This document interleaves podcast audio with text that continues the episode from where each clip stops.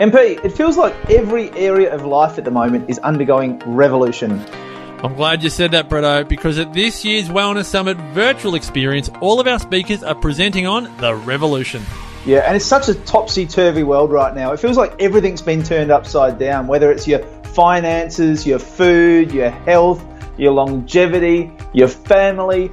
All of these things are just in such a state of flux right now that we really need to get the experts in to give us the lowdown. That's why we have Jason Witten on the financial revolution, Cyndi O'Meara on the food revolution, Kim Morrison on the self love revolution, Marcus Pearce on the longevity revolution, the great Brett Hill on the resilience revolution, Andrea Huddleston on the hormones revolution, and of course, Jo Whitton on the food and family revolution.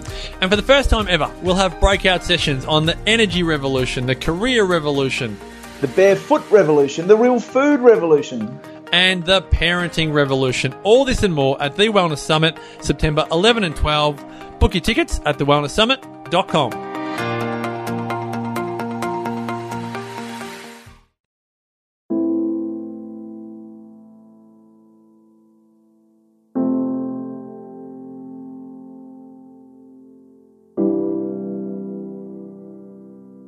Welcome to Nourishing the Mother, where inspired women talk about the journey of motherhood through the common thread of parenting, relationship, and sexuality as a path to consciousness. We ask, in what ways can we show up more fully, live more meaningfully, parent more wholly, and love more unconditionally? How can we mine the wisdom from the experiences of our lives? And expand into those challenges. If you are here, you care about paving a path of conscious and intentional motherhood, connected with yourself and your gifts, and also illuminating your children in theirs, so we may raise more whole humans who can impact this world in a more humane way. And if you feel like giving a little back to this free content, please become a patron of the show and receive extra member benefits for less than a coffee a month. Or you can leave a review on iTunes and Facebook, all of which helps the podcast keep going and reach more mamas who need this type of tonic for the soul. Head on over to patreon.com forward slash NTM podcast to find out more. We are Julie Tenner and Bridget Wood, and we are so grateful you're here.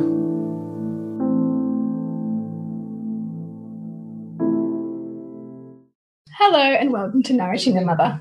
I'm Bridget Wood. And I'm Julie Tennant. Sorry, I'm laughing. I can't stop laughing. Just give me a minute to sort myself out. okay. Sorry, Bridget, you can or I'm just going to So today, today we're laughing because for the first time in five years I couldn't get the intro right. So figure that out. But we do have a wonderful guest with us today, and it's a special podcast because we have got a podcast here for all of the women birthing in these uncertain times, and we have with us a midwife called Susan who works in the public hospital system. Welcome, Susan. Hi there, everyone. Thank you very, very much for inviting me to talk about this. Mm. Oh, it's a huge so topic at the moment. It is a huge topic and also just one that we would really love to empower as many women with as is humanly possible to make the choices that can provide them with the most empowered birth experience that they can have in uncertain times like we find ourselves in currently mm. within a pandemic.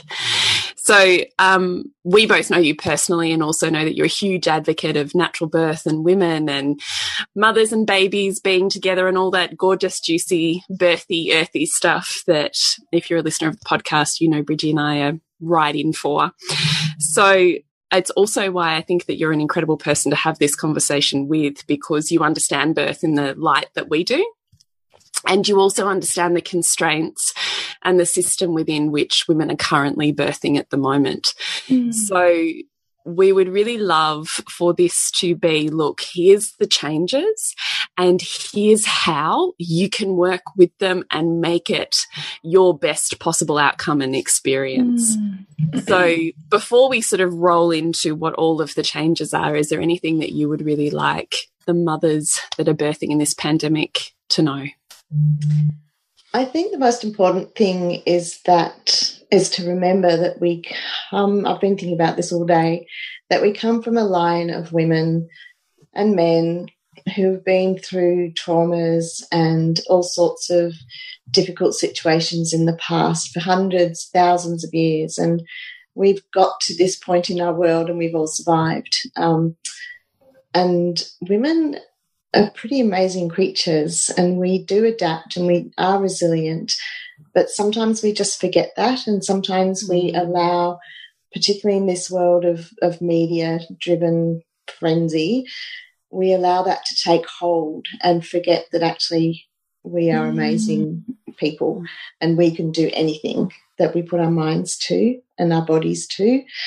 And um, let's stop taking on the story of fear and do what we need to do to get through it.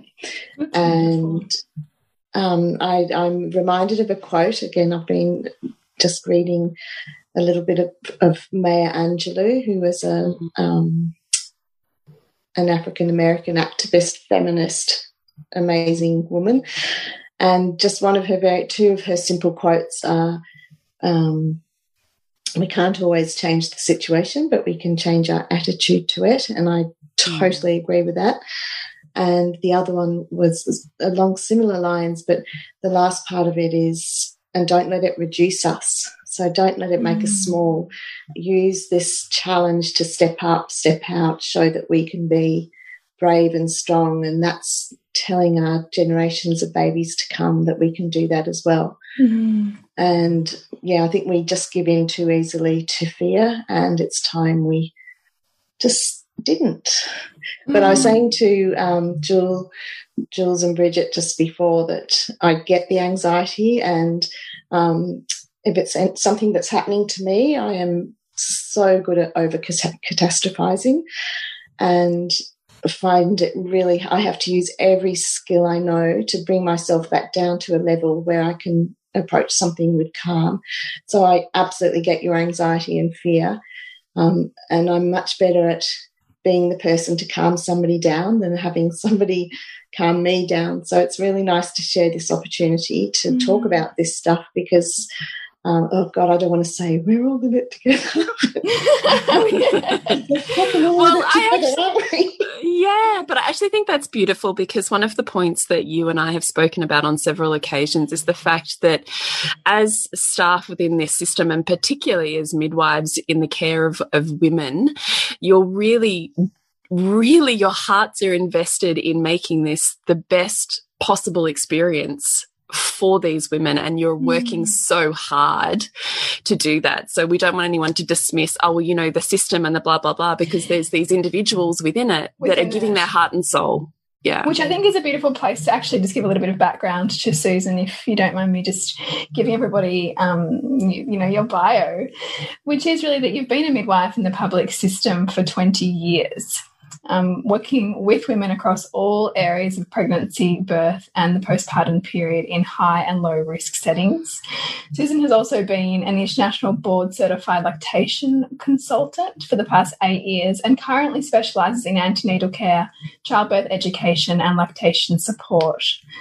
Susan is committed to and committed to and privileged to be supporting women and their partners through their experience in the public system and focusing on the family's strengths and hopefully building resilience during this incredible time, which we're hearing right now from you, Susan, with your beautiful heart. yeah. Is there anything that you'd like to add to that, Susan, in terms of staff just really trying their hardest during this time? Oh, absolutely. Our midwives on the ward are incredible. They they they're facing so many challenges. And I've had a lot of feedback from um, families that I visit at home or in lactation clinics saying they know that they're they're struggling with some of the the new policies that are coming in, the the, the fear factor of, of this COVID um, coronavirus. It's you, you, can see it in their faces, but they don't let it um, swamp them. And uh, they're you know they're learning to communicate with their masks and their face shields and their gowns. And again, I said to you too before that I've been working really hard at using my eyes behind my shield and, and face mask and, and my voice and my breath to maintain that connection with the woman, even though we're, we're trying to be as hands off as possible. And um, oh, sorry, I just got it. I, I'm very good at going off track and going into another world. Um, but the midwives on the ward well, all of us in the clinics, we're trying our very best to make you feel welcome, to get as much education and information across to you as possible in a very limited time frame. Um, and on the ward in the birth unit, um, they they are working so hard to make sure this is absolutely the best experience of your life. Um, it might not be the experience that you hoped for or had dreamt about or read about in all the beautiful books that are available out there on physiological natural birth. Um, but it will be an incredibly transformative experience for you. And um, that's what we aim to provide with love and support. And mm-hmm. you can have a really challenging experience, but if you feel like you have been, it's been discussed in depth and you haven't been railroaded and you've been the center of decision making, it can be an incredibly empowering experience, positive, full of joy, and um, you've got through something. And birth, if nothing else, is transformative. Becoming parents is transformative. You become different people and you grow through that um, every single day of your life as a parent, you grow. I mean, mine have all left home now, and I'm still learning. I'm still trying to figure it out. yeah, you sign up for life, don't you? no, I, I really, I really do love that. I really do love that. Do you feel like we could talk about some of the changes so that we can sort of talk about how we can best set ourselves up to have a positive experience. Would that be okay with you to move through? Yeah, absolutely. Oh, okay. Um, Do you want so, me to list them off, or you're happy to go? Uh, I'm I'm happy to go. Okay, cool. Go. Uh, well, I was just kind of going in a chronological order, and I suppose your very first visit's going to be with your GP um, to con- to confirm the pregnancy, and that might be again in this strange world a, a telehealth appointment. So you already feel a bit disconnected and removed from that system, um, but um, it's okay. You know, you you will be referred to the hospital, the hospital of your choice, um, for the birth after you've had all your bloods taken, and if you're interested in getting any early, early scans done. But that's the first um, block. Is like oh, partners aren't allowed to present with you to the scans at the moment. Um, so again, for the partners, it can be really disappointing that that's not happening. Um, but you can take a video and again um, have them on on the end of the phone so they can listen to the consultation. I'm sure that's doable in any of your scan appointments. Um, and then you book into the hospital, and you know it's it's can be a waiting game. I've had a couple of calls this week where women have said, I know my doctor's made the referral, but I haven't received anything yet. You know, am I booked in? How's that going to work out? And, and already this fear is rising and it's okay. We have the referral. It just sometimes takes a couple of weeks and you have to be patient. But of course, when you first find out you're pregnant, you're so excited and you want to just do everything right now and, and have it all out there laid out so you know what to do. Um, we will get there, I promise your first booking appointment will be over the phone now. That you and that it, it kind of upset me at the in the beginning. It's like, but that's the first time we get to smile at a woman and open our arms and say welcome. And this is an amazing place and beautiful midwives and amazing doctors if you need them. And um, oh, that's been taken away from us. Hmm. Okay, that's and actually that's something that. Um, again, I've learned so much from Jules and Bridget through this. It was um, this moment of I have my list of women of who I have to call today to, to welcome to the hospital and get all their health history. And I just now look at their names and and I wear this crystal all the time and I just touch this and I kind of get an idea of who they might be, what they might look like. I don't know. It's just my way of managing it. So finding these ways of getting around the things that you don't like. Um, that for me was one way of just, okay, think about who this woman is that I'm ringing. And it was an absolute game changer for me. And I love doing phone visits now. I love Isn't doing that fabulous? Because this is the thing, right? Connection doesn't exist only in physical matter. Yes. Yeah, that Like- energy is. Yeah, we're there. all connected, but it's about when you lose, it's like losing one sense. So we've lost touch or whatever that physical Yes. representation of consultation means. So it almost heightens the ones that are left, right? And so here you mm. are, heightening energetic sensitivity and connection in all of its different forms, which as I've had the conversation with you about is, is enormously impactful on how that unfolds with those women, the mm. connection that they themselves then feel towards you as their caregiver.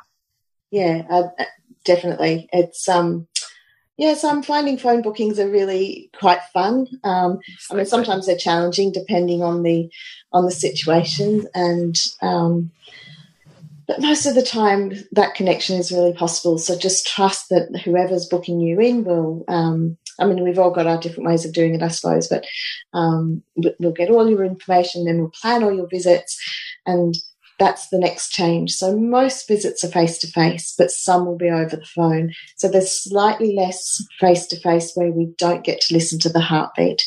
Um, but we're really focused and encouraging you to get to know your baby's movements. This is the most important thing that you can do with your baby over any ultrasound, any um, handheld Doppler um, is you getting to know your baby. And you know what? That's fantastic because now you're going to be connecting to your baby probably a lot more because you're not relying on some technology to do it for you.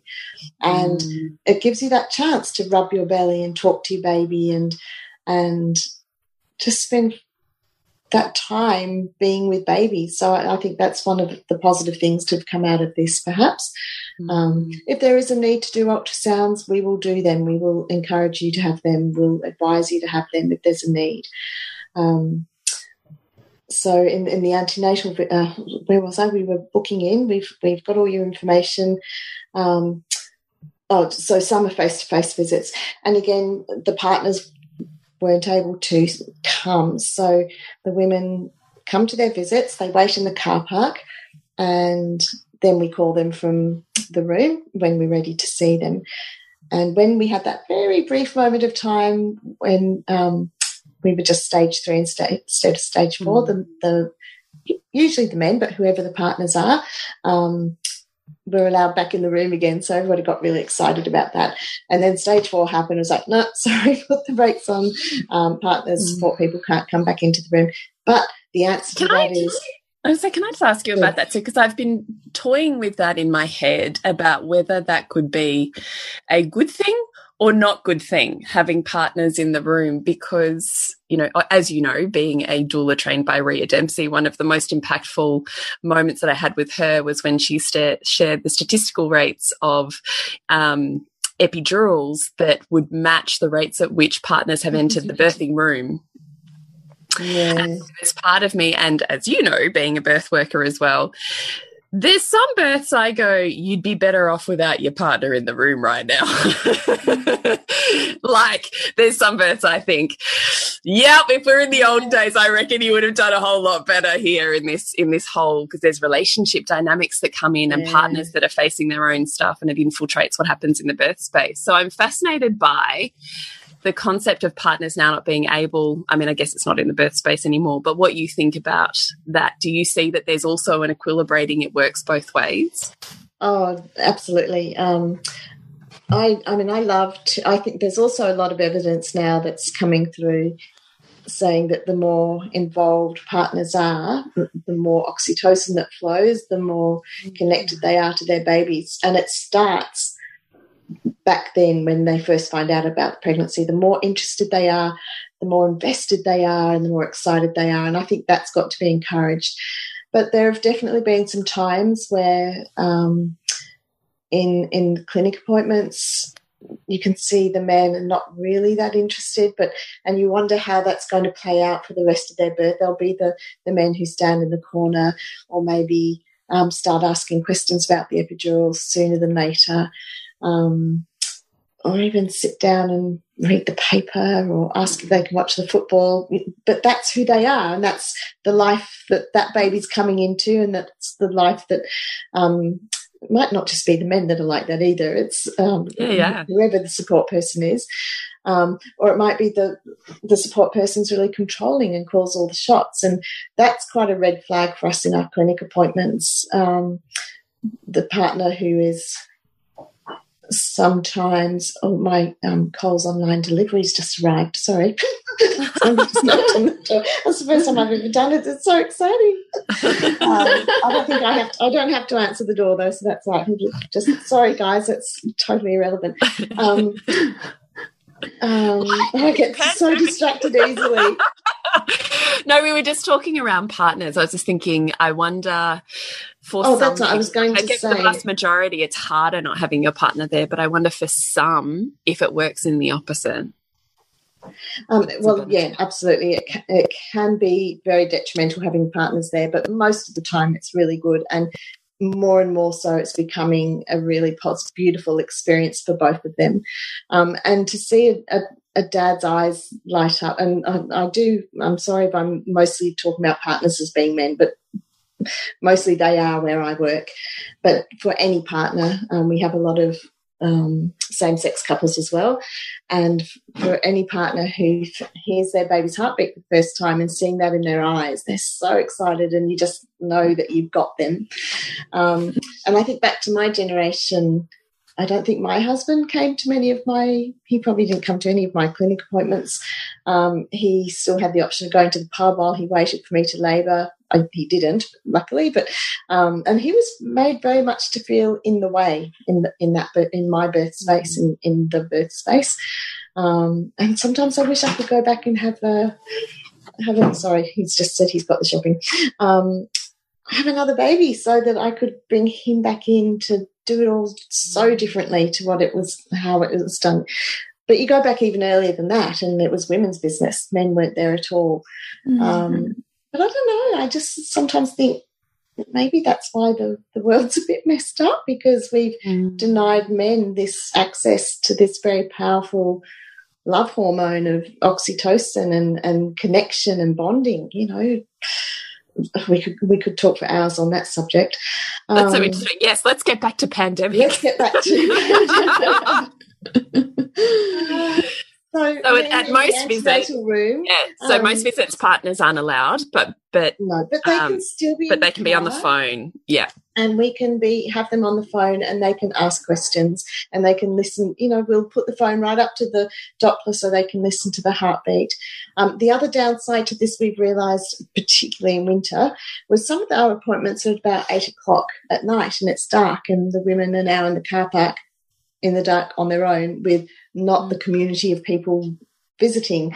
So we've come to realise that's a bit of a safety issue, and um, I think we're addressing that at the moment. We're changing the appointment times so women aren't having to expect. We have security, and and and I'm sure it would be all right, but it's just something that we've become aware of in the last couple of weeks um, or last couple of months. So. Um, yeah, the antenatal visits. Um, I think some women will feel quite disconnected and not seeing us enough. Um, and other women are really grateful that they don't have to keep coming in and paying all those parking fees. yeah. um, but ultimately, we are making sure that anybody who's got any risk factors, they are always seen, and the women can always say, "Look, I know it was only supposed to be a phone call visit today, but I really want to come in." Um, and we will never deny them that. So that's something to really think about. Just because we mm. say this is what it is, you still can say, oh, but I need this today for, for me, or I'm worried. And then if that doesn't happen, there's always the, the number of the ward that you're going to. You can ring them up and say, the minute you call them and say, I'm worried, they say, okay, come on in. Absolutely no question. They never question you. Well, sometimes they might question you a little bit. Um, but if you're if you really need reassurance, um, they're very welcoming for you to come in and be reassured on the ward as well. So, and I think all hospitals would be be the same in that sense. Mm. Um, so again, more scans. That if you need scans, the men usually can't go to those. Um, but we've covered that with well, they can listen in on the phone, or um, you make sure you take. I don't I actually don't know now. I'm sure they give out the films and the photos, but yeah, I don't know little you, CDs or something. Yeah, I think you might have to ask. Make sure you ask for that if you're going along to say I want it videoed. Um, yeah. I'm not mm. sure what they do with those nowadays.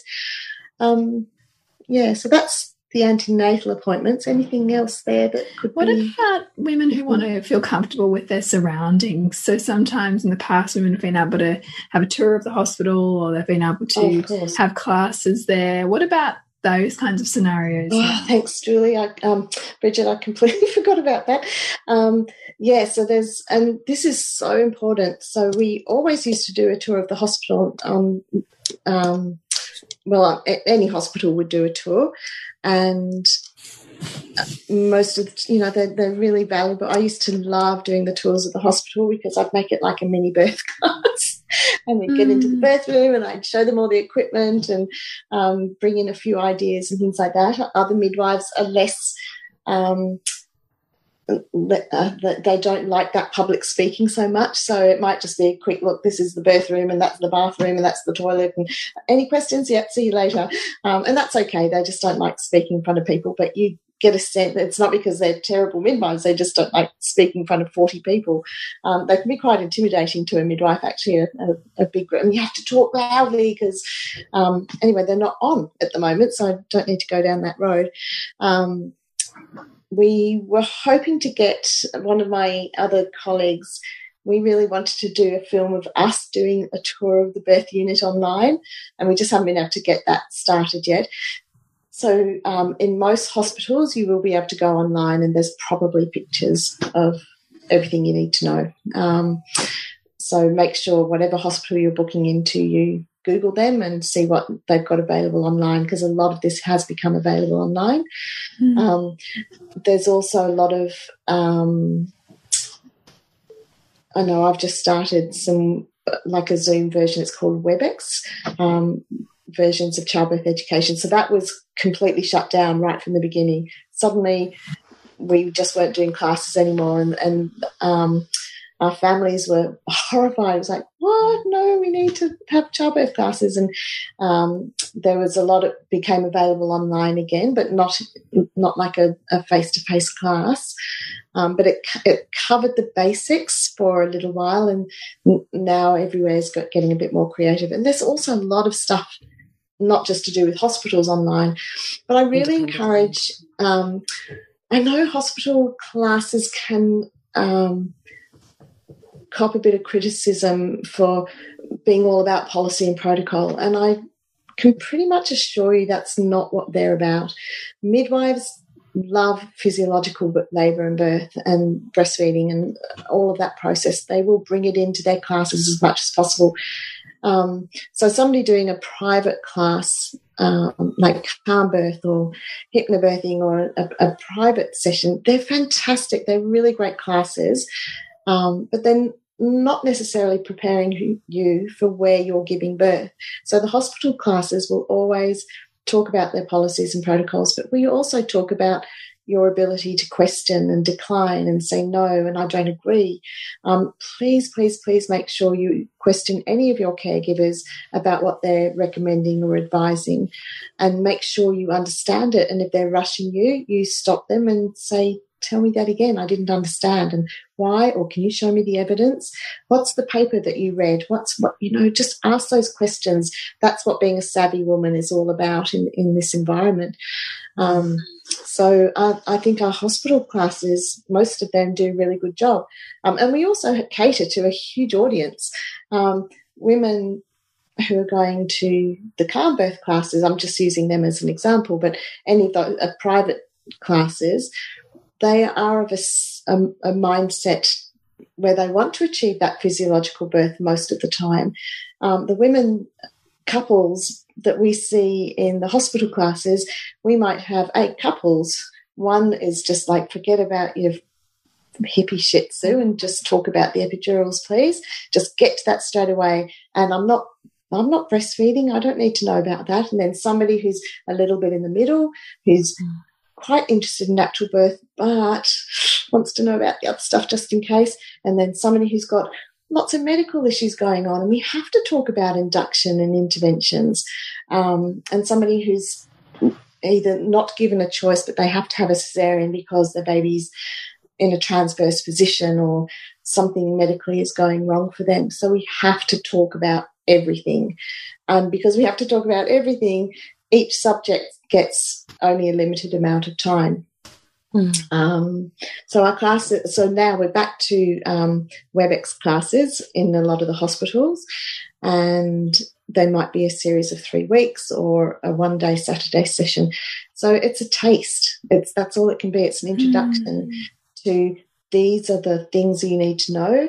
Um, we'd like you to know these are things you could go and research yourself, and maybe these are some books you could read. Um, but the books I read might not be the same sort of books that you want to read. So, um, yes. you know, sharing that knowledge is a really good idea. Talk about what you have read, talk about what you've seen, so we can dispel the myths or encourage you to um, just keep asking questions, really. So um, the the education space has changed quite a lot, and but I think we're getting better at it, Bridget, definitely, mm. um, in a very short space of time as well. Um, yeah. Oh my it's God, I've had to learn tech yeah. stuff that I never thought, and one of my bosses actually said to me the other day, it was it was kind of sweet. She said, "Sue, if I had told you you were doing this six months ago, you would have ranted and raved and carried on and stamped your feet. And look at you now."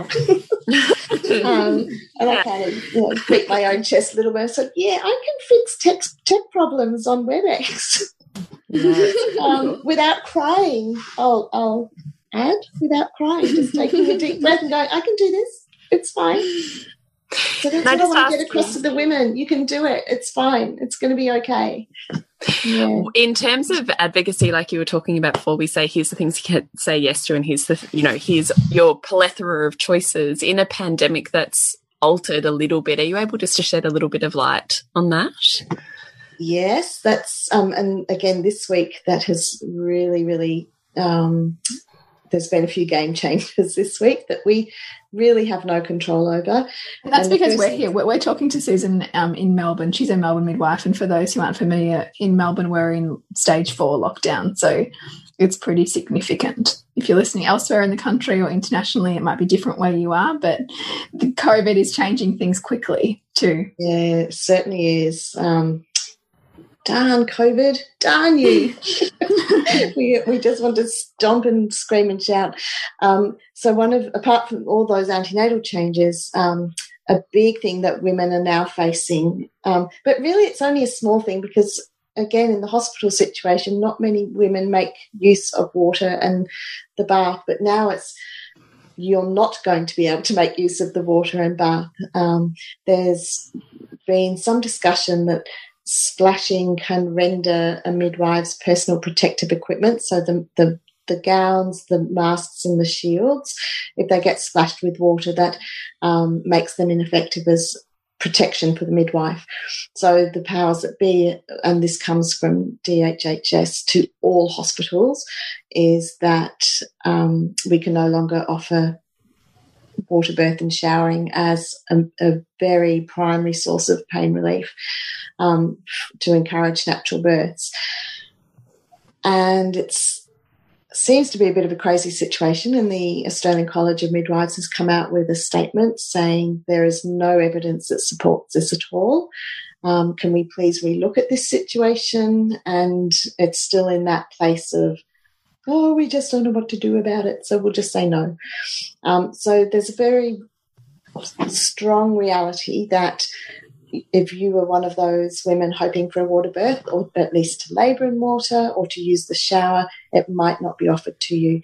So we're going to have to think on our feet like, what other strengths and resources have we got to make this a really beautiful experience for you? Um, and we, again, in reality, it's only a small percentage of women actually have water births in the hospital situation. Um, some women have never thought about it before, but it's kind of funny when it's now not available to you, it becomes more interesting and more mm. alluring almost. Like, tell me more about this water birth that we're not allowed to have anymore. mm, I didn't know that was an option, but now I want it. exactly, yeah. Tell me about what you would advise women to consider as alternatives to to pain relief or moving with their labour that don't include water. What would you suggest? oh gosh, how much time have we got um, to talk about this? Like it's almost like a mini childbirth class, isn't it? So I would always start when I'm talking about this in my classes. I always start with looking at your environment. So looking at your birth space, um, the birth room that you enter. So in a lot of places, there's nice murals on the wall. There's low lighting midwives get this stuff already. You know, um, I, it's very rare that you walk into a birth room now with the lights blaring and and all the equipment out. It's, we've become very good at creating this very safe space for women, but it is still a hospital space. And there's the bed in the middle of the room, and there's actually there is emergency equipment now. Um, in a place that we can access very quickly if we need it because we do a lot of intervention so it has to be there for us now mm. But let's say you can't get in the bath and you can't get in the shower and you're in this lovely room with beautiful low lighting. Definitely bring in your own music um, and start listening to this music and really, really start practicing some meditations, some visualizations, some um, affirmations in your pregnancy with your partner so that you're both doing this together because it changes the, the chemistry in the brain. It changes the, the, the pathways in the brain so that as soon as you put that music on, ah, you breathe, you relax, you feel at home. Doesn't matter what music it is. It can be punk rock. It can be whales and dolphins singing. It can be meditation music, whatever you want. Um, just start playing it. And I always say to the guys, just put it on for her. Don't don't get her to ask you to do it. Um, I always talk about for the men, the partners to anticipate what she might need rather than asking her because mm. we don't want to bring her out of her her um, mm. That middle brain space where she's trying to get into her mammalian behavior. We don't want to turn on her neo neocortex. Um, so music is really powerful and that breath work is really powerful and we haven't got time to go into all the different ways we can do it there's actually no way of doing it it's just your way but it's basically slowing it down um, slowing it down deeply and really breathing into your belly and breathing into your baby and breathing into your heart space. Um, something else i've started introducing too um, is actually no i've always done this but movement movement is very powerful. So um, play around with positioning your body play around with how you're going to kneel on a chair, or if you are getting on the bed, how you're going to lie on it, or or kneeling up on it, or using the balls. There's so much equipment in our birth rooms that you can use to be active and upright. Um, and again, for the partners to say, "Hey, she's been sitting on that ball for about three hours now, and nothing seems to be changing. Let's get her up moving. Mm. Put on some music, hold her in your arms, give her a kiss." stare into her eyes. But you know what? This eye gazing business, um, you can't do it if you've never practiced it before, you know. But just mm. over the next few weeks, sit with each other really quietly, practice that slow, deep breath, and look into each other's eyes and connect. And then put your heart on each other's heart space and really connect, and maybe with the baby as well. Um, but it has to be practiced because it all feels a bit weird when you first do it and you've never done it before. So just practice it. And when you're in that birth space, that's what you can do. You've got your music playing, you've got your, your slow rocking, swaying movements with the dancing and looking into each other. That creates a bubble for you. And it's creating that bubble that will make this hospital birth room that's full of scary COVID stuff, which it isn't, but you know, that's what we're being told in the news at the moment. Um, that bubble is going to be incredibly safe for you. And it's you and your partner creating that with your midwife guarding that space for you. Um, Can I ask in the birth space, do mother and partner need to wear masks? Um, the partner does. At the moment, the mother doesn't. Um, she will if she becomes COVID positive. And if the partner becomes COVID positive, then he won't be allowed in the room. I, I just know that that's probably going to happen. Um, hopefully, we'll never have to cross that bridge, but it might be something we have to cross. So, what are you going to do if that happens? What mm. what is what is that woman going to do? She's going to really rely on her midwife. Um, and I, I was saying earlier, a lot of women want a sister or a mother um, or a best friend or a doula. They've they've hired a doula to help them with all this stuff that I'm talking about.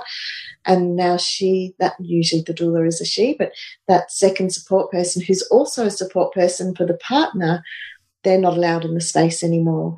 Um, so how can we bring their energy? I think again uh, from Jules and Bridget, I'm learning so much about energy um, this co- it sounds so woo woo, doesn't it? This cosmic energy, but bring their energy into the room. So that might be photos of them all over the place. It might be. Um, it, it might be a sound recording, a video recording, so she can just pick up her phone and press play, and there is her second support person, her mother, her sister, her best friend, her doula, doing a breathing exercise with her, doing a visualization and if um, heaven forbid it does have to have to be the partner that's not in the room, he can be doing that with her. I'm sure there are ways we can be creative to enable that energy to be present in the room. And I can promise you the midwives will bend over backwards if that is a situation for you because they know how painful that would be. They know how challenging that would be um, and and the doctors if they're in that space as well, the obstetricians if they need to come into the room, they they're going to know what you're feeling. They they're feeling it too. This is for all of us. This is supposed to be the most joyous time of our lives, um, even if it is challenging, even if it is difficult. It's even more difficult at the moment, but only if we let that take over in our heads. Um, and I think our mindset is so powerful. We can let it, we can let this story take over and run riot, or we can find ways to calm that story down mm. and change it into a different story. Um, I'm not saying it's going to be easy. Um, it's really not going. It's going to be very challenging if if we get to that point in time. But there are definitely ways that we can create a, a positive vibe and a positive energy for the women. And something, can I just add one more thing to that, Julie? Yeah. Um, and this came from one of my favourite authors is Milli Hill, who's written a book called Birth Like a Feminist. Actually, there's two books. Um, the other one's called Transformed by Birth. By I hope this is shameful promotion. I hope that's all right. Um, Transformed by Birth by Britta Bushnell. They're both English midwives and educators. And um, oh God, now I forgot what I was going to say. Um, about Milli Hill's book? Yeah. Um, oh, sorry, I've gone completely blank. It was like a light bulb moment and it's gone. It'll come back. That happens to me all back, the time. Yeah. Yeah. Let me ask you about some of the other changes that might be happening post birth. So at this point in time, assuming no one's COVID positive, partners can stay for the duration of the birth and then for two hours post birth. Is that correct? Um, yes, the the theory is two hours post birth, but um, they probably can stay longer. They just can't spend the night there. They can't sleep in a bed there, but they are able to stay probably for longer than two hours. Um, but once they go home, they have to stay at home, and they and also when they're in the labour space, they're not able to go in and out of the room or go out for some breath. You know, we often used to say, we were talking before about partners not coping in the birth space. Um, often they would go out for a breath of fresh air or quite possibly a cigarette um, and come back in just feeling like they've had a break and, and that second support person has come in as a tag team. It's been a really effective way of helping everybody cope with stressful situations just in a in a normal birth process, let alone what, what we're having to do now. And so now he he the support person um, has to stay in the room the whole time. So hopefully he's got some coping strategies as well to um, to re-energize as well because it can be um, if you're in there for 6 10 mm. 12 18 hours 24 hours sometimes. It's it's pretty hard work for everybody involved. Um, so we've got to really be sure that we're looking after the support people as well. But yeah they're not able to come in and out. So that can be very claustrophobic to somebody. That's really valid advice, though, is to consider if you cannot leave the space once you're in there, how is also your support person being supported? Like, I do think that's really valuable. Mm thing to think yeah. about when planning your birth. So that person might need to phone their parents or a friend or just um, step away, step into the bathroom and drink some water, you know, really stay for all of you to stay well nourished and well hydrated and um, well oxygenated with with beautiful breath work. Um, it, it's so and this this stuff works for life. It's not just something that oh I need to do this for my labour and birth. You need these ways of coping to get through the difficult nights with a brand new baby, to get through the the worry of your teenager out on the road in its car for the first time. You know, it's it, they're, they're life skills. So don't ever dismiss them as oh, but that's just kind of hippie stuff that that natural birth midwives do. You know, it's not. It's these are skills for life. It's so important to learn them. So for the for the support people as well. Mm. Um, I love that. And then you were saying the other change is early discharge. Yeah, so again, there's positives to everything. I promise you, there are positives to everything. And the positive to an early discharge, and we're talking usually about six hours, but it might be 10 hours, um, is that you get to go home and be with your partner in your own love bubble with your brand new baby with mm. nobody annoying you. Yeah. No midwives coming in and giving you 10 different pieces of information. No, no cleaners coming in and vacuuming your room when you wanted to just sleep. And um, none of the doctors doing their rounds checking in. You know it's it, you can be at home in your own bed curled up with your baby and, and your partner. And um, okay you're going to be feeling a bit anxious and a bit nervous. And guess what? You're not going to know what to do with that baby that first night or the second night or the third night. So it really doesn't matter that you go home at six hours instead of 26 hours or 46 hours um, two days in hospital with us giving you lots of education I promise you now, as valid as the education is, it often goes in one ear and out the other because you're not in a space to listen.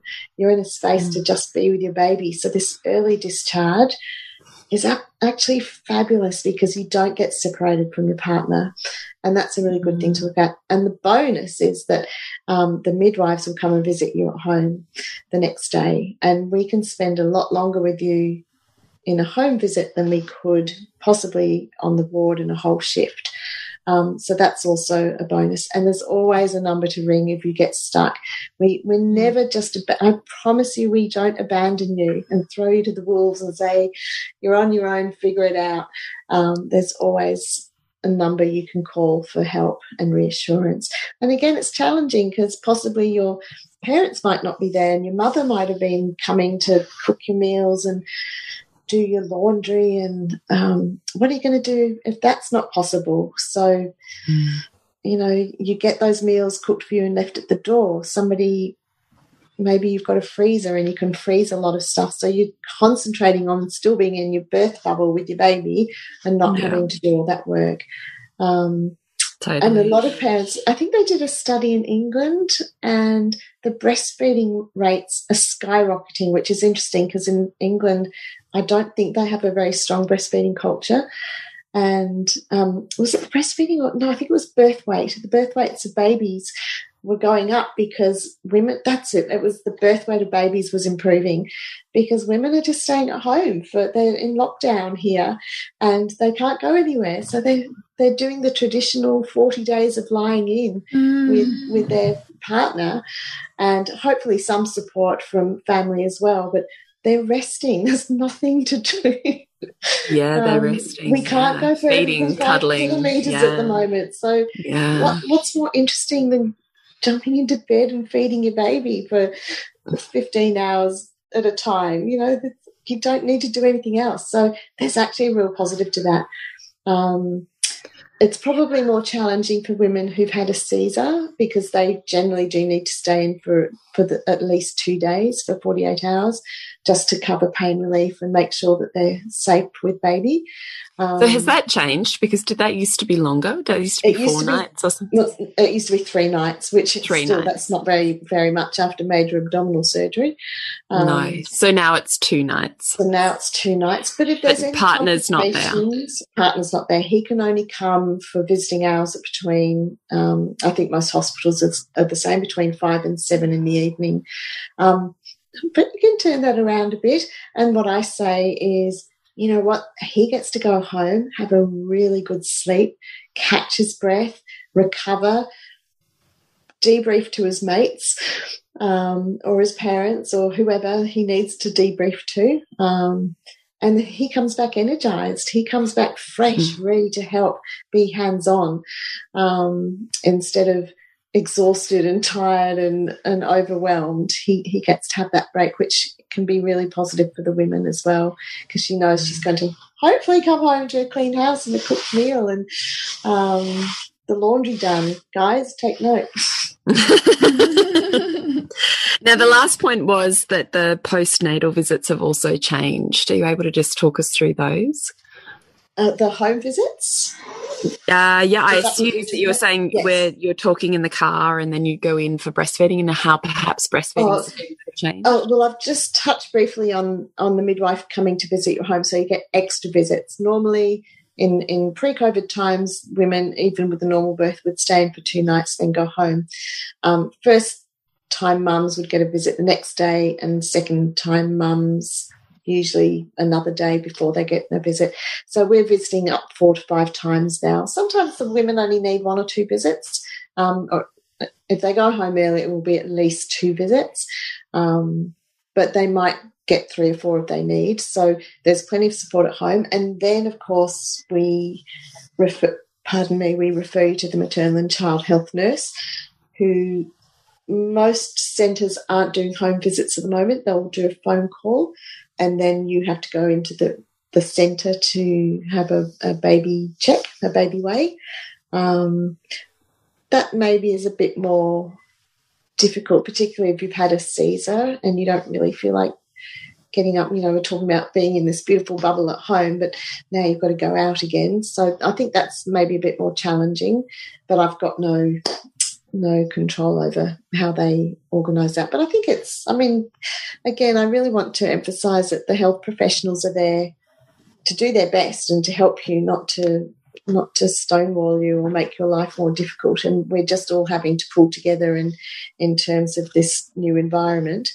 Um, but then, if you do need breastfeeding help as well, make sure you make use of first of all, the hospital's lactation support services.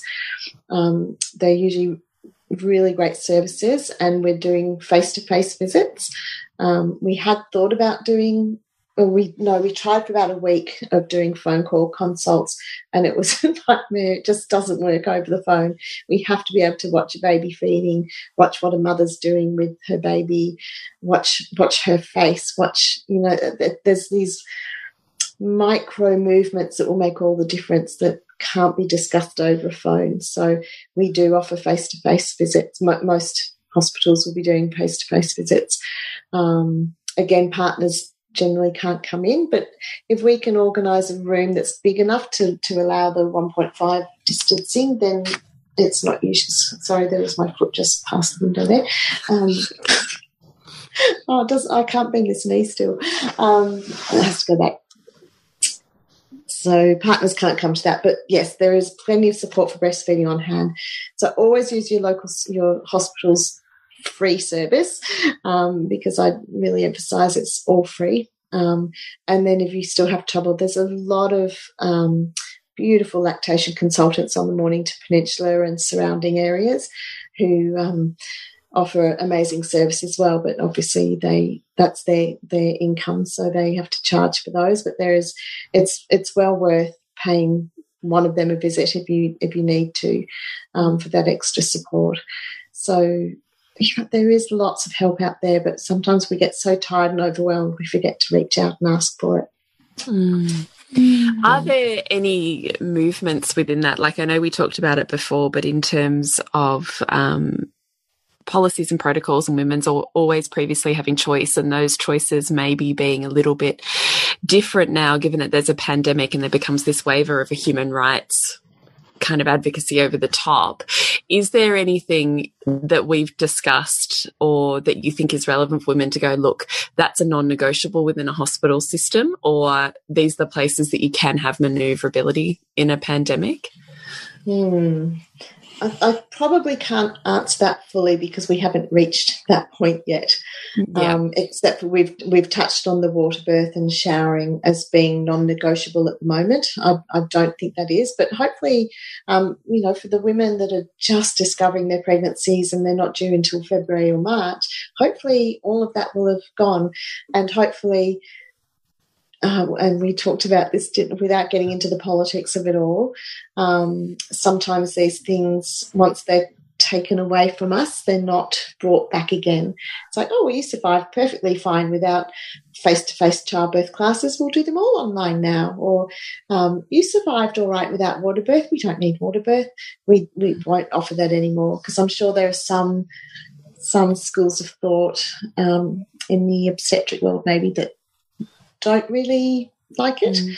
Um, anyway, I promised I wasn't going to go down the political road, so no, um, no, I won't talk about that. I, but, didn't want you to go Is more thinking, you know, is is that different in this current climate for women? Yeah, so there definitely is. There, there are going to be some things that we can't change, and we just have to accept because ultimately, what's happening at the moment is so new Nobody really knows the best way to deal with it. Everybody's doing the best they can. Nobody's just trying to be difficult. Um, from the you know top level politicians to the micromanagers on the floor, they're all just really doing their best, just as each human being is doing their best to to cope and some of us are coping better than others and some are breaking the rules a bit and um, I'm getting I'm getting quite distressed at sort of the, the level of vigilanteism at the moment. It's like crazy. We're sort of we this kind of situation can turn us against each other or it can really bring us mm. together. And I think we're still riding that yeah, wave of, of mm. where are we? Um, and all I, I was speaking to my sister today, today and actually no, it wasn't my sister, it was my daughter, and she was saying, "Oh, but the neighbor, no, it might have been a flatmate or somebody anyway. Somebody was going in and out of the house, and she felt like, well, everybody else is breaking the rules, so why don't I? And my only answer to that was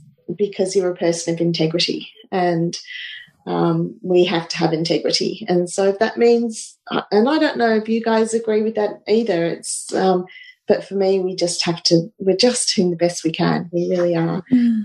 Um, and it, it is so new and so unknown that mm we're kind of making it up as we go along, mm. just as you do when you're parents. It's actually really fantastic preparation for being a parent. Yeah, um, lack of lack of predictability. Along, break the rules sometimes, reinvent the rules. Um, so, Susan, before I ask you our three quickfire questions, which we ask every guest on the podcast, is there anything that you would like to leave couples with who may find themselves birthing within this current pandemic? I think what I want to end on is that you are stronger than you know. Believe in that. Um, believe in the team supporting you from your home support, your partners to um, the midwives and obstetricians. They really will try to make this the best experience for you as possible. Um, and you can do it. It doesn't matter what the experience is in the end. Um, it will be don't you hate that expression as well? It will be what it will be. hate that. but it kind of will be. And I, have still got this thought from Milli Hill floating through my head and I just can't reach it. Um, but we are we are super creatures. We're strong and resilient and you can get through this, but you have to put your mind to it and be creative and adapt. I think creativity mm. and adaptability are really important um, attributes to have when birthing in the time of COVID. Mm. Thank you. So I wonder our first question in, in, our questions that we ask our guests are, is there a time that you can recall that you're willing to share that you have had an experience of a wound that you've turned into wisdom in your life? Oh, where do I start with that one? Anywhere you like. Mm. Oh my goodness, I possibly would have needed a bit of preparation for that. Quickly, quickly, quickly. Go on to the next question. All right. oh, I'm sorry. I should be able no, to. No, I've just got too many. Totally. Um, Let's let it sit and we can come back right, to it. Yeah. Yeah. Books, books that have been most meaningful to you that you wish every woman would read in her lifetime or maybe read in preparation for birth or motherhood. Oh my goodness, that's another. I've got a library of them, but I'm going to quickly reel them off because I can do this easily and you'll understand why I talk about this woman so passionately. So, Rhea Dempsey, mm. um, pretty much my childbirth class is a complete copy of her work. Um, oh, she's phenomenal, isn't she? She's amazing. She has taught me so much. Um, Lael Stone about Birth Online is another incredibly um, amazing woman. Um, I just love everything she writes. So, Rhea, Sarah Buckley, um, Gentle Birth, Gentle Mothering is one of my favourites. And my two new ones, I mentioned them before Milli Hill, Birth Like a Feminist, and Transformed by Birth um, by Britta Bushnell. That's that. Those two have become my favourites. Um, for a true understanding of the physiological process if you want to go a little bit deeper and a more a bit more cerebral perhaps is anything written by Michel Odent who's a French mm. obstetrician from a long time ago who kind of pioneered water birth he's written some incredible work on on oxytocin and and the physiology of birth um, Ina May Gaskin of course mm. is um, a little bit out there, but um, it's a great read, though. I just love it. I know, so good. She's been going for a long time, and her tra hospital transfer rate is one percent. So, um, the amazing, look, isn't it? Look her up, yeah. So they're probably, uh, and in terms of post birth. Um, some great books I've read. One is by a doctor called Pamela Douglas, who has a, a um, a business called Possum's Education, which is all about um, that sort of neurological programming and safety and security for a baby and breastfeeding um, and managing problems. And a partner she works with called Koa Douglas, Becoming Mum. So it's her book's called Becoming Mum. Um, which is all about mindfulness and being present um, and not letting it's so easy to get overwhelmed and lose a sense of self um, mm-hmm. in your your work as a mother. Just you do you do you transform, and you become a different person. And in becoming a different person, you lose some of what you had, but you gain a lot more. But the loss can sometimes be really overwhelming. So strategies mm-hmm. for her.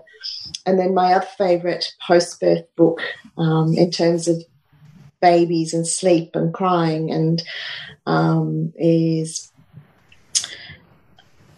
the no cry sleep solution. Mm.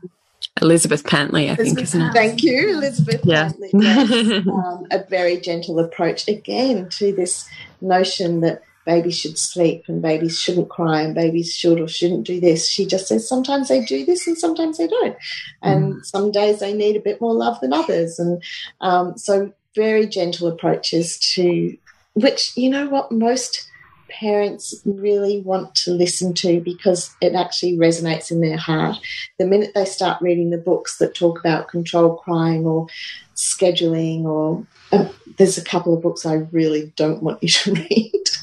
Okay, we, can, um, we, can, we, can guess, we, can probably, we can guess the name of one of those, I reckon. Yeah, um, very celebrity based. Um, yeah yeah, there's a couple that are just dangerous. You know, they're just mm. if if our world relied on on authors like this, um, we'd be in a real mess. I think. But having said that, those books sometimes resonate with some women Some people, give yeah. them a sense of Yeah. control. So it's not about what I like. It's um, it's No, but we're just sharing you. what are the books that you love. These are the books that I love. yeah. Um, All right. So our last question is: If you could have a billboard anywhere in the world on any major superhighway, what would it say? Uh, hmm, what would it say? You are stronger than you know. Mm. I think you have you have strength beyond your wildest dreams if you let it come out. That's too many Mm. words on a billboard. You are stronger than you know. Um, And- uh, the other billboard on the other side of the road could say something like, "Just hold each other." Just love. Good. I love that you've created two billboards. This is just like your whole podcast where you're like, yeah, this is the system where the podcast, where the billboard is, but you could create another one over the other side of the road too. That's great. We've And never you had know, anybody do that. I the love it. gantries are, and, and the light goes off on the freeway. Well, they so could, they could somehow do some subliminal messages like you just keep going, keep going. It's fine. You'll survive. What was that original question again? It was, can you think of a time that you've turned a wound into wisdom in your life? Mm, oh, I'm still struggling with that. But ah, Is there advice you give your kids, or is there a motherhood kind oh, I try. You know about that one, don't you? What about like a mother antidote though? You know, like you're an experienced mum, three kids who are grown. Like that's very different to Bridge and I and Yeah. all of our listeners. Like, is there even that kind of grandmotherly wisdom or motherly wisdom that's like, yeah, I used to think that too, and then this happened, and now I think like that. Oh, Like, I've is there any of got, this isn't anything to do with parenting. This is me. And it's just suddenly popped into my head. But I learnt one day that I felt like I had to fix everybody. And I was the fixer, the rescuer. Um, and of course, there was nothing wrong with me, it was everybody else. Um, Mm. So all the problems that I had in my world, which were sizable, um, you know, relationships and difficult teenagers. That was kind of it, really. but that's enough. Um, like, oh God, babies are a breeze compared to teenagers. But what I was doing was making them wrong and me right. And one day it hit me like a bolt between my eyes. And I suddenly realized that that's what I'd been doing. I'd been making them wrong hmm. in trying to be right. And that was the worst thing I could do. So I think my biggest learning was if you only ever see somebody like this, that's all they'll ever be to you. But if you mm. turn it around and look at somebody and say, wow, you you can be you are you are actually this. You are strong and knowledgeable and you provide love in this way. It might not be the way that I really wanted it, but this is what you do. That was a game changer for me. Sort of uh, seeing the good in people, really, rather than, and then realizing that I actually don't have to fix anything. I just have to, and and again, you you guys have been on a little bit of that journey with me too. That, um, yeah, if you just always see one person as a particular thing, you'll never change your mind. So start learning to see them as glorious people um, Mm. with skills and love and attribute because then it's shined back at you. Um, it does, it shines back at you if you give it out. If you give out, if you stay in this negative, again, energy, energy, energy, energy, and you give out, think negatively, that's all that comes back to you. Um, and if you think with strength and creativity and positivity, which is different to choose. You know, there was for a while there was that thing that went around saying choose happiness, Mm. and that's not easy to do. You can't just choose happiness. But maybe finishing on Maya Angelou's quote of change your attitude, you can still sit with sadness, you can still cope with sadness, but you can create a different reality for yourself. And I'm still learning that skill. I, I'm um, I haven't mastered it. I have to practice it every day. Um, and I think if you're human, you do. Yeah, exactly. We're human. We, we stuff up all the time, and you will stuff up all the time, and you'll learn. But if you stuff up, you, you know what? You just say you're sorry with with with meaning and intention. Um, I've stuffed up with my kids so many times, and I've always apologised to them, and that's what they remember. It came up at a twenty-first birthday once. that's so good. There was a story where, Mum, do you remember that time you did this? And I almost crashed the car because I had maybe that was the thing, the wisdom. I had buried it so deep because it was so distressing to me that I had forgotten. I had made myself forget. It was one of those really bad mother moments um, where I possibly was responsible for altering the whole psychological course of my son's life. God, and, I um, don't think oh, so, but okay. podcast for another day. podcast for another day. But he brought it up jokingly, and I did this reaction of you know the the, the cold the sweat came out, yeah. the weight of it, and he saw me react. He was sitting in the back seat, and he realised that he'd triggered something in me. And he very quickly said, But you know what, Mum, you said you were sorry. And that meant more than anything to me because I realized that, you know, you were okay. Words to that effect. I don't know. Mm-hmm. So that was a big moment for me. in in knowing your mistakes and moving through them and learning from them and saying sorry. You know, it's kind of simple, really. Not being mm. righteous and hard to do though if you're hanging on. Oh my God, it's so hard. Yeah. You do. You have to. Just like with your deep breath, you have to practice it every day. Gazing into your lover's eyes, you have to practice it like brushing your teeth yeah. um, to make it a practice to make it work. Totally. It doesn't just um. Mm. Oh God, we could talk about this stuff for hours, couldn't we? We're gonna go though, Sue. Thank you so much for coming on and yeah, sharing you. your insight and wisdom into the system as it exists currently within a pandemic for women and how they and their partners can begin to consider to resource yeah. themselves to have the best possible birth outcome that they can have, with still a team that wants to support them. So really resourcing themselves to do that. So I really appreciate your time in being. Well, you've summed that us. up beautifully, Julie. If I could say it like that it would have been a shorter podcast. Um, well, you know, we love a conversational moment though. So yeah. we're deeply, and you have that beautiful midwifey, like just Mother Earthy, you know, what does it have a cup of tea? All your two hours later. And yeah. like I just think you have that magic about you. I feel like if you just sat me down on a cup of tea, I'd be like, oh, your life's fixed. All fine. Oh no, it's never fixed. I think be dead if it was fixed.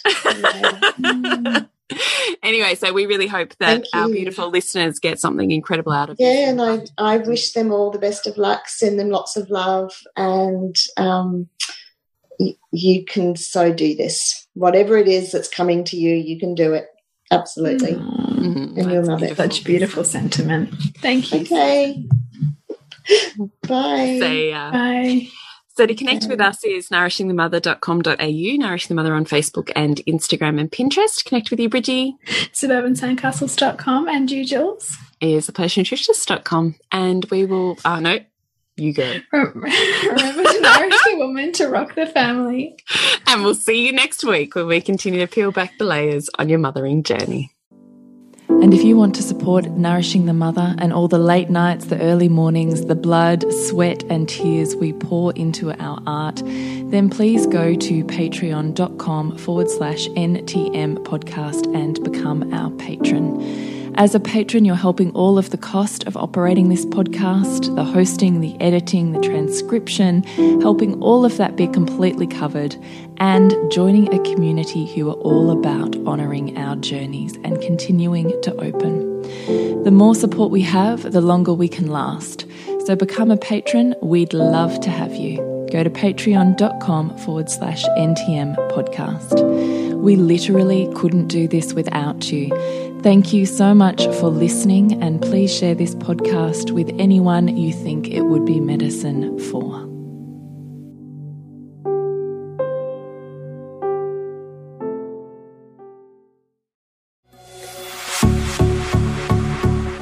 This has been a production of TheWellnessCouch.com. Check us out on Facebook and join in the conversation on Facebook.com forward slash The Wellness Couch. Subscribe to each show on iTunes and check us out on Twitter. The Wellness Couch, streaming wellness into your lives. Whilst the Wellness Couch presenter endeavor to provide accurate and helpful information to their listeners, these podcasts cannot take into account individual circumstances and are not intended to be a substitute for health and medical advice from a qualified health professional. You should always seek the advice of a qualified health professional before acting on any of the information provided by any of the Wellness Couch podcasts.